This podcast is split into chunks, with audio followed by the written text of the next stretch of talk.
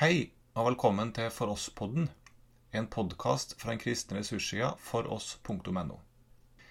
Denne episoden är upptag från bibelkurs på Fjellheim kurs- och missionscenter från mars 2020. Ja, vi ska be. Herre, vi tackar dig för den här dagen. Tack för allt det som du har gett igår och tidigare i våra liv. Av ditt ord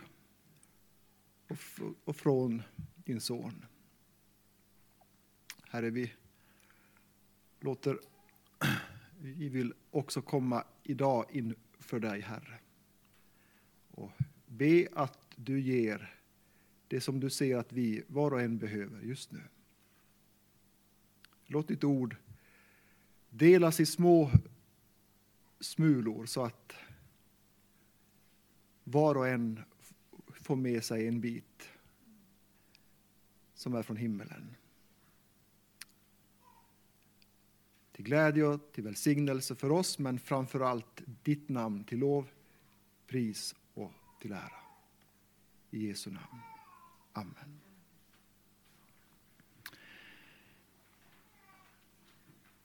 Igår vid introduktionen så sa jag att jag har delat upp eh, bibelstudiet i två delar. Den första delen är de två första kapitlen ungefär. Och det handlar om vår utgångspunkt, vår position eh, som kristna. Och det andra, den andra delen är kapitel 3 och 4. Och det handlar om vandringen i Herren. Och eh, på morgonen ska jag fortsätta att, att dela eh, bibelord från, som handlar om, om positionen och sen blir det vandringen sen i kväll. Innan vi går eh, till texten så jag fick det i mitt minne här en sak som hände oss för några år sedan. Vi, vi skulle teckna ny hemförsäkring. Gör ni det i Norge? Hemförsäkring? Ja. Och så fick vi en, en gratis, kostnadsfri husbesiktning, kontroll. Och det var ju bra. Det var, jag glad i. Apropå var glad. Men det här var bra. Så jag tackade ja. Och så kom den där dagen då eh, besiktningsmannen kom och så hade han med sig en, en iPhone och så gick han igenom hela huset. Vi var uppe på taket och på vinden och eh, i, i, sauna och vi var överallt liksom i, i vårt hus. Alla rum, ventilation och allting och sådär. Och det, och det var, han hittade en del saker som han skrev och jag, jag blev lite sådär nervös för att se hur, var det här slutar. Och så där, någonting där och han, han skrev någonting och så ungefär efter en timme så säger han att du, du har en grund. Ja, jag har en grund. Ja. Kan, man, kan vi gå ner dit? Ja, det sa jag, det går ner dit. Vi har ett, ett hus där man inte har en hel platta utan en grund som man kan, kan gå ner i en sån där krypgrund. Ni vet, krypgrund. Så, så vi gick ner där och han lyste med ficklampa och tecknade saker och så där. Och så vände han sig till mig och så ställde han en fråga och säger du Stefan, vet du vad som är det viktigaste på ett hus? Att, ja, taket, sa jag. Nej, det är grunden. Det är grunden. För blir det fel på grunden, är det om grunden tar skada, då håller inte huset. Så att grunden ska vara frisk och hel. Och så tänkte jag, det här är bibliskt. Det här är bibliskt. Och så under en stund, han, han sa inte mer, han fortsatte och så började jag tänka, det, det blir som en predikan för mig faktiskt. Att grunden är det viktigaste, säger besiktningsmannen och det ska ju prästen också veta. Men, men, men, ja. men ja, eh, jag ska inte säga hur det slutade, men, men, men, men efter det så då började jag tänka, tänk hur vi människor tänker och hur jag tänkte.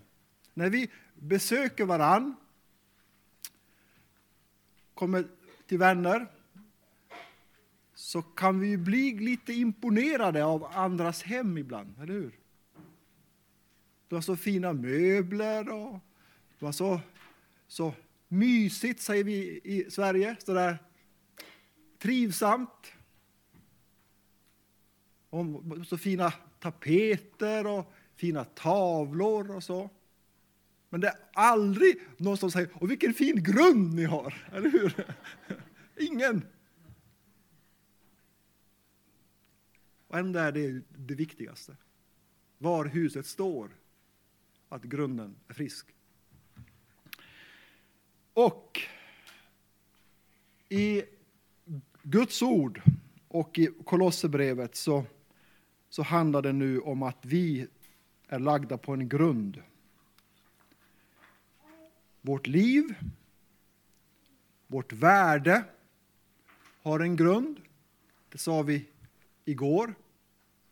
Och vår frälsning har en, har en grund. I Kolosserbrevet 1.23, Eh, jag såg att det är ibland översatt på ett lite annat sätt. I en del biblar, så att det var översatt på ett lite annat sätt i folkbibeln också, och i, i en del svenska biblar, också i den norska. Men i, i en av översättningarna, jag tror att det är Bibel 2000, så står det en stadig grund i Kolosserbrevet 1.23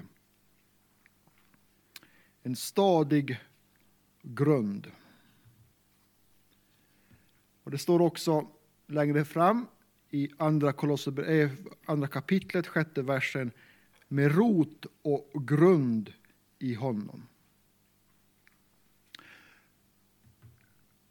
Det här är ju som vi vet inte de enda bibelställena där Paulus talar om grund, utan han vet hur viktigt det är att...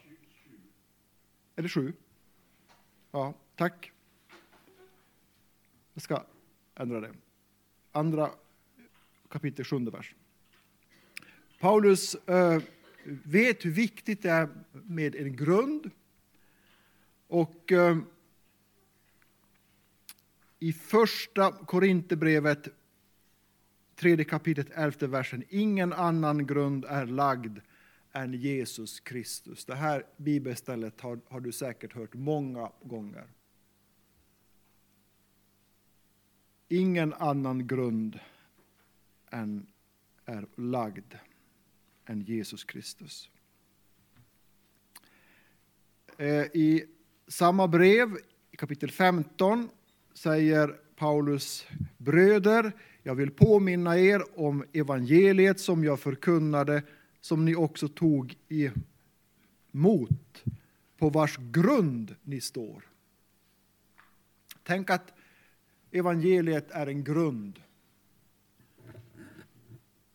Jesus är grunden i evangeliet och en grund att stå på i sitt liv.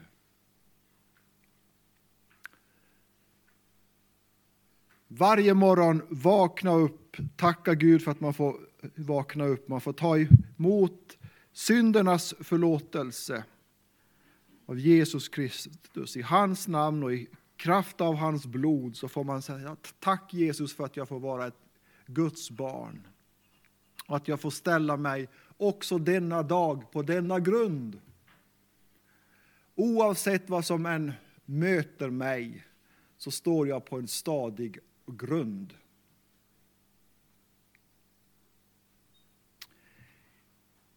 I det systerbrevet som vi sa, Efesierbrevet finns också 2.20.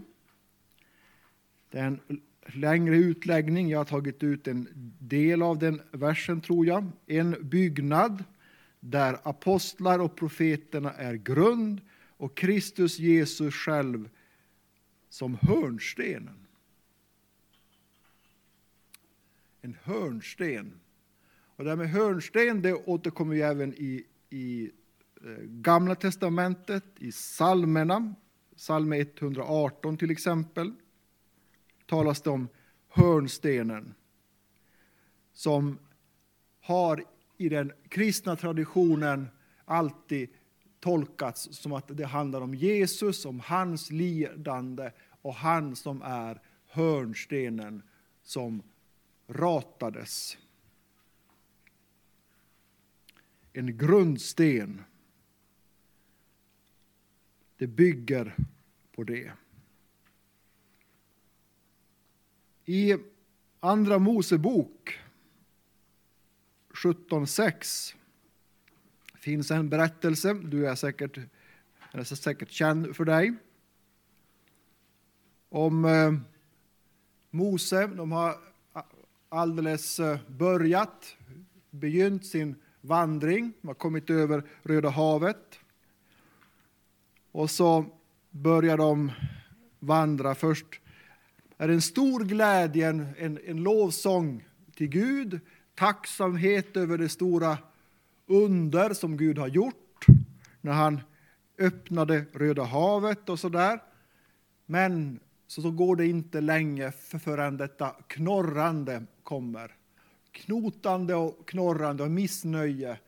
Både att de saknar vatten och att de inte hade något att äta. Och det, bland det första som som Mose då får göra, är att han går till en klippa på Herrens befallning och så slår han med sin stav på klippan en gång, så här.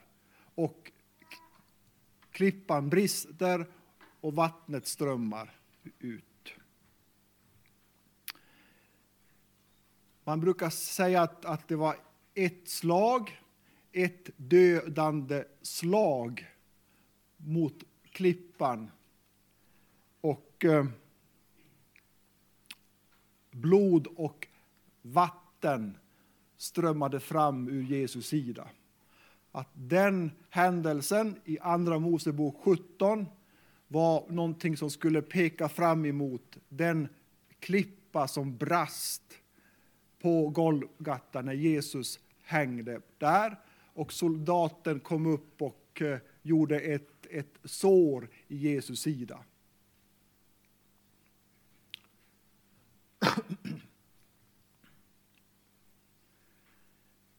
Livet, nådens strömmar började strömma från Jesu öppna sida.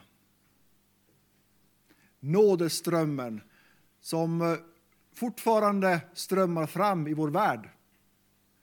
Jag var så glad i det vi hörde igår kväll om, om eh, möjligheten att berätta också för andra folk, för Ismaels barn, om löftets son. Om, om Isak, men också om, om det som det pekar fram emot, Jesus Kristus. Det finns en händelse som eh, liknar, påminner om händelsen i Andra Mosebok 17. Och du är säkert, den är säkert känd för dig också. Det är från Fjärde Mosebok 20. Där nästan samma eh, episod sker. Folket knotar, de är missnöjda, de saknar vatten. Och så säger Herren till Mose, gå fram till klippan och tala till klippan och vatten ska komma. Vatten ska strömma. Mose går fram till klippan, men han gör inte som Herren säger. Utan han slår på klippan igen. Till och med två gånger. Vattnet strömmar, Men Herren talar till Mose och det får konsekvenser i Mose liv. Att han inte lyssnade. Och kan man tycka, varför? det var väl ingen stor sak. Varför gjorde han så, Herren? Men jag tror att, att bilden av att ett slag mot klippan, ett dödande slag mot Jesus Kristus, där alla mänsklighetens synder fanns i ett slag. Den bilden, den metaforen, den profetian, den blev lite förstörd när Moses slog två gånger, en gång till. Det är min tolkning. Du kanske har någon annan. Jag är beredd att höra den. Jag, jag tänker ibland också så här, att Mose den andra gången i fjärde Mosebok 20 när han slog, att han slog två gånger. Det är märkligt. Varför gjorde han det? Och då, då har jag liksom ibland tänkt att tänk om, om det är lite någonting som har med, med, med människans natur att göra. Att vi när vi inte är på rätt grund, då vill vi göra lite extra. Då vi vill eh, eh, visa upp vad vi kan. Då vill vi kanske förtjäna vattnet. Någon form av självrättfärdighet, egenrättfärdighet smyger sig in väldigt lätt hos oss när vi inte står på rätt grund. Då känner vi att vi behöver göra lite extra. För Mose han skulle bara tala till klippan och skulle vattnet komma. Och att tala, det, det är ju bara att förtrösta. Ungefär som en, när vi gör när vi berättar om Jesus eller undervisar. Vi kan bara bära fram det, vi kan bara tala. Vi kan inte göra mer. Vi får förtrösta, vi får lita på, på Gud. Och Det var det som jag tror att Mose egentligen skulle. Bara tala, lita på det att ett slag räcker och vattenströmmar. Ett dödande slag räcker. Det är våran grund.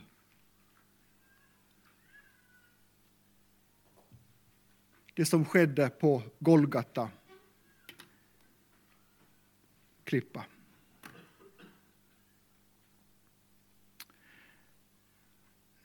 Nu ska vi gå in i nästa del som också handlar om grunden, men det blir en sammanfattning. Kan skulle vi kunna få upp bibeltexten Kolosserbrevet 2, 9 till och med 15? Ni ser att jag inte följer texten eh, vers för vers, men jag ska behandla det jag hoppar över i morgon sen. För det hänger ihop. Från vers 9. Ty i honom bor gudomens hela fullhet i kroppslig gestalt. Och i honom är ni uppfyllda, han som är huvudet över alla makter och väldigheter i honom blev också ni omskurna, inte med människohand, utan med Kristi omskärelse, då ni avkläddes er, er syndiga natur, och begravdes med honom genom dopet. I dopet blev, också, blev ni också uppväckta med honom genom tron på Guds kraft. Han som har uppväckt honom från de döda. Ni som var döda på grund av era överträdelser och er oomskurna natur. Också er har han gjort levande med Kristus. Han har förlåtit oss alla överträdelser och strukit ut det skuldebrev som med sina krav vittnade mot oss. Det har han tagit bort genom att spika fast det på korset. Han har klätt av välden och makterna och förevisat dem offentligt när han på korset triumferade över dem.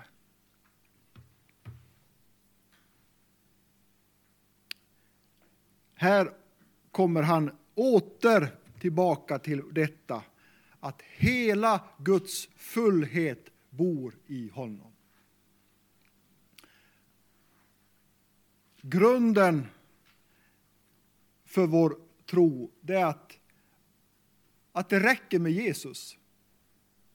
Det räcker med Jesus. Jag kommer att i kväll berätta lite om det här med att hur lätt vi eh, ibland också i vår tid kan frestas till att lägga till saker till Jesus. Jesus plus någonting till. Jesus och någonting annat. Men Paulus han tar här att den grund som är lagd i Jesus Kristus, där finns allt. Hela verkligheten, hela skapelsen, hela försoningen, hela himlen. Allt är sammanfattat i Jesus Kristus. Du kan med en kristen människa som står på samma grund som du och jag så kan du samtala om, eh, om livet, om situationen i världen och ni kan genast förstå varann för ni står på samma grund. Människan behöver inte vara eh, akademiker, behöver inte vara disputerad i något ämne, forskare, utan en helt vanlig kristen och kan ha så djupa insikter om verkligheten, om tillvaron och livet. Därför att Guds fruktan bor hos henne och Guds fruktan är början till visheten, säger Guds ord. Ibland har jag tänkt när jag har suttit och samtalat i, i skolvärlden med, eh, med eh, människor som, som, som forskar i olika eh, pedagogiska ämnen. Och så, och så förstår man att den här människan har ett, ett djup i sin kunskap på ett specifikt område och kan väldigt mycket. Men förstår inte hur det hänger ihop. Förstår inte, har inte hela bilden. Medan du kan sitta med en, en, en person som inte alls har samma utbildning, samma kvalificerade yrke, men som är bevandrad i Guds ord, som har lagt sitt liv i Jesu händer och som står på samma grund som du och jag och som kan mycket mer. Mycket mer. Därför att Guds vishet, Guds ljus har lyst upp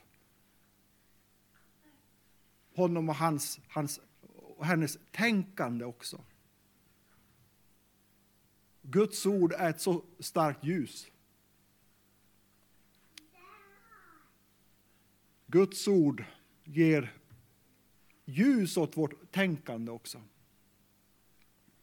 Och jag brukar ibland säga också när jag, när jag möter människor att det är så många bibelforskare idag, också under långa tider, som har läst Bibeln med världens glasögon. Men jag, jag tror att det är dags att läsa världen med Bibelns glasögon. Läsa världen med Bibelns glasögon, för då ser man hur det hänger ihop.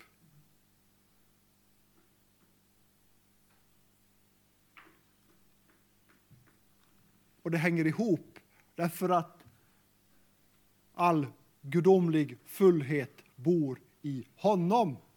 Och han är grunden. Så har du han, har du Jesus gemensamt med en människa, då har du så mycket gemensamt med en människa.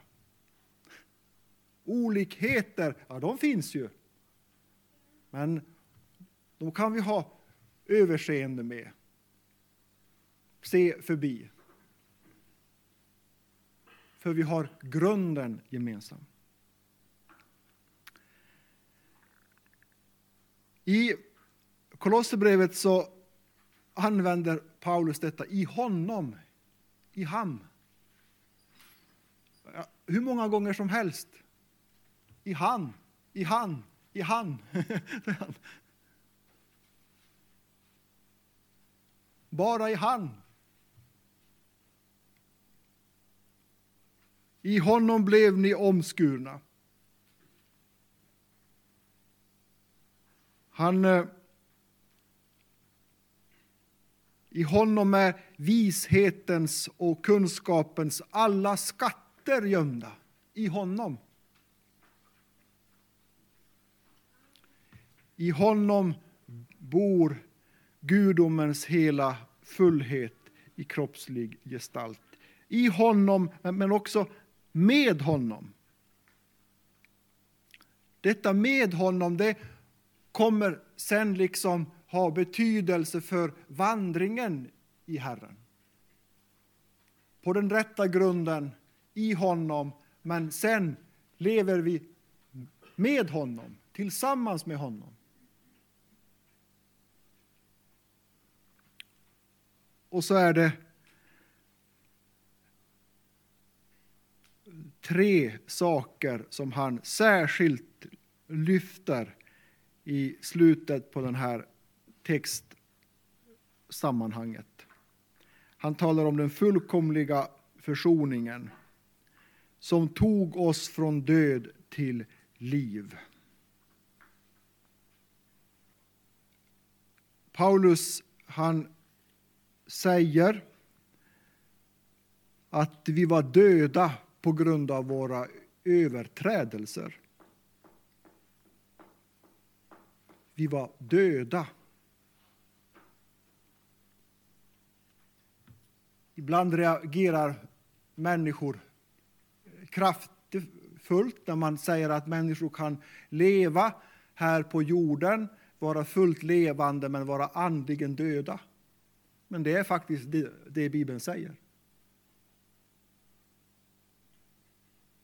Man kan, gå, man kan gå till butiken och handla, till arbetet och man kan göra, leva som vanligt vanligt med att vara andligen död.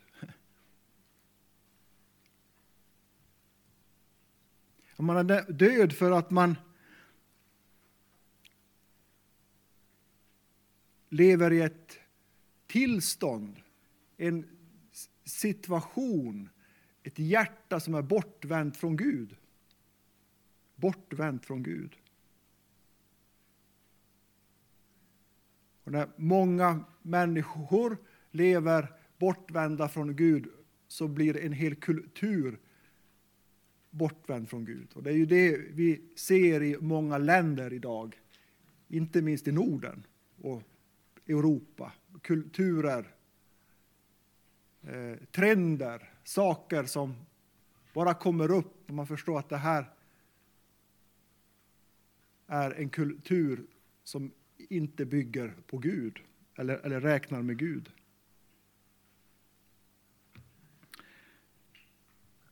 Det andra, och det kommer i vers 14,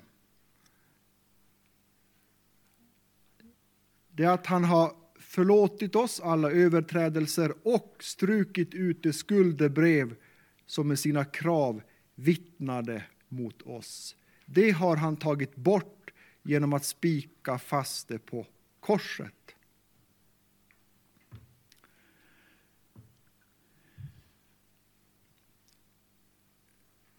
Paulus han eh,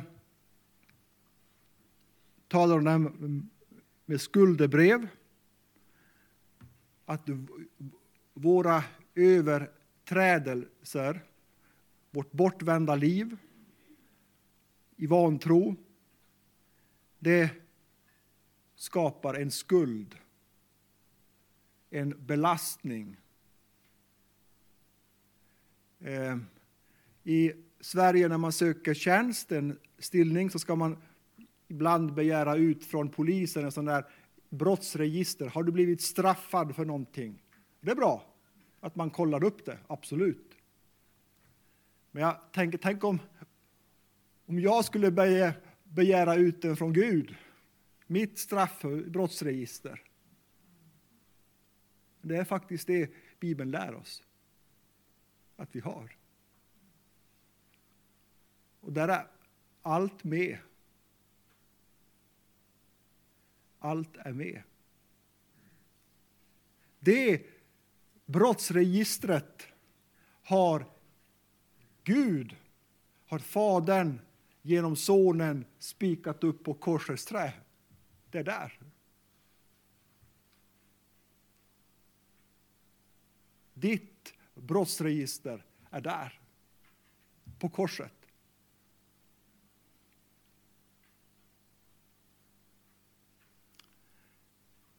Att, eh, att bli fri sin skuld, det är fantastiskt. Hela Bibeln vittnar om människor som har bett om förlåtelse. Som har haft en skuld, man har gjort någonting och så har man fått förlåtelse och så förstår man vilken enorm glädje som infinner sig i hjärtat när man har fått förlåtelse för sina synder. Kung David är ett sådant exempel. Jag tar fram ett, det finns hur många som helst. Salmen 32. Salig är den vars överträdelse är förlåten. I en senare bibelöversättning står det lycklig. Lycklig. Ibland gör man undersökningar om vilket folk som är världens lyckligaste folk. Har ni hört det?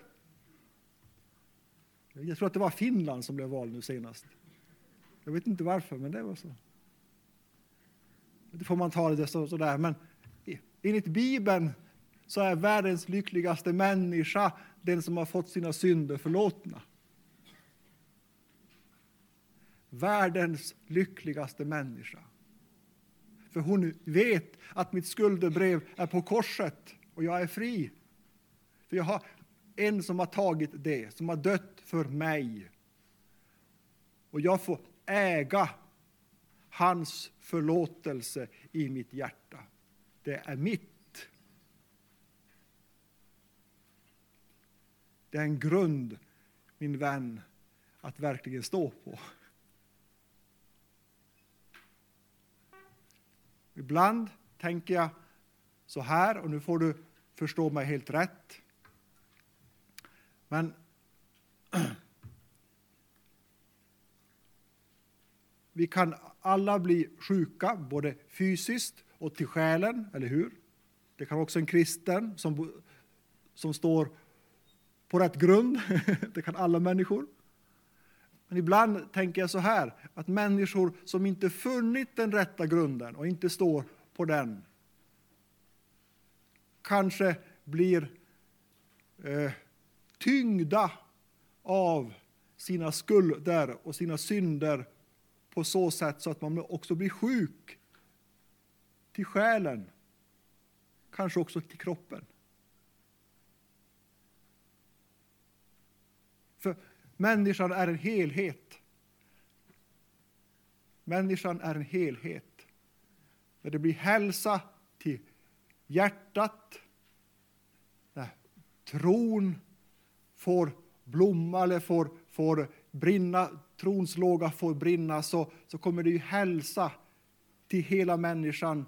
till hela familjen, det, till hela menigheten. Det går inte att, att dölja det. Hälsa, hälsa och liv har kommit.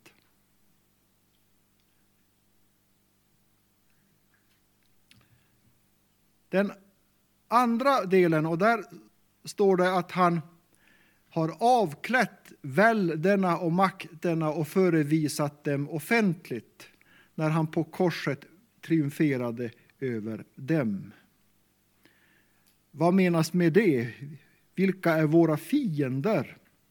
Kristus har tagit skuldebrevet, men han har också avklätt, besegrat alla fiender. Brukar säga att våra fiender är eh, världen och um, Hjälp mig nu. nu är jag. Vårt kött och djävulen. Eller hur? Säger vi så. Det är katekesen. Mm. Han har stått där som segrare över allt. Han har avväpnat döden dess makt. Döden har inte sista makten, utan det har jag som har det sista ordet. Det, det Paulus säger sen i första Korinthierbrevet när han säger Döden, var är din udd?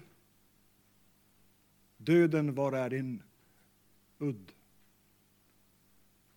Kristus har knäckt, brutit nacken av döden.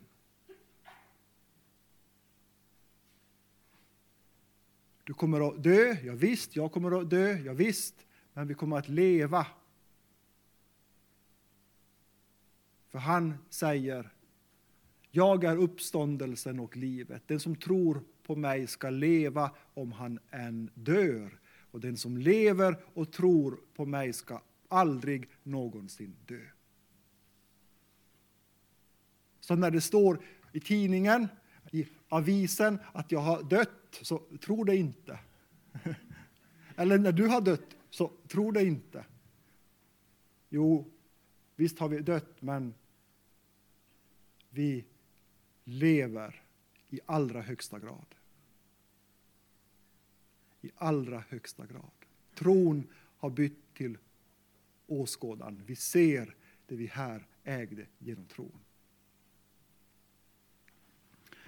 Och den sak som jag tänker, klockan rinner nu, men jag ska säga det igen nu. det är i psalm 34 och vers 6 där står en sak som jag skulle vilja röra vid innan jag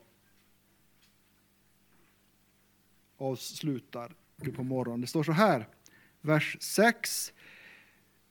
Det som ser upp till honom strålar av fröjd. Deras ansikten behöver inte rodna av blygsel.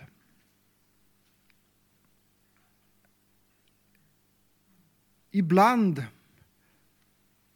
så kämpar också en kristen människa med skam. Säger ni skam? Skamkänsla. Och skuld och skam är inte samma sak. Du kan eh, ha skuld utan att känna skam. Du kan känna skam utan att ha skuld. För eh, ganska många år sedan så eh, jag lever i en, i en andlig tradition där vi betonar själasorgen. Och där vi också går till enskilt skriftemål ibland. Det är gott. Det är som att gå till, till tandläkaren. Det, det gör lite ont ibland, men det är gott sen. Jag kan rekommendera det. Och jag hade varit, eller var eh, på enskilt skriftemål och eh, ja, jag lyfte fram det som jag behövde lägga bort och eh, fick eh, höra på Guds uppdrag genom en, en annan människa att dina synder är dig förlåtna. Och efter det så bad han en bön. Och så bad han så här. Gud, tack för att du har befriat Stefan från hans skuld. Befria också nu honom från hans skam. Ibland så kan vi ha svårt att tro att någonting är förlåtet. Då kan vi faktiskt, om vi, vi känner att det här, det här följer mig, det här, då kanske jag ska pröva om jag ska välja att gå till enskilt skriftemål i själasörjan. Och få, få bekänna det och få, och få bli av med det. Det hjälper oss att lyfta vår blick. Här står det att det som ser upp till honom strålar av fröjd och deras ansikten behöver inte rodna av blygsel. Det är en kraft, en, ett nådemedel, ett nådehjälpmedel att få, få så tydligt, så konkret också när man behöver det. Inget tvång, nej, men när man behöver det få komma inför Herren på ett särskilt sätt och så få, få bli befriad, få höra och så veta att när jag reser mig, då ligger korset, då ligger skuldebrevet där. Och Jesus har tagit min skuld, men också min skam. För jag kan lyfta min blick. Jag behöver inte rodna av blygsel. För jag vet att jag är fri.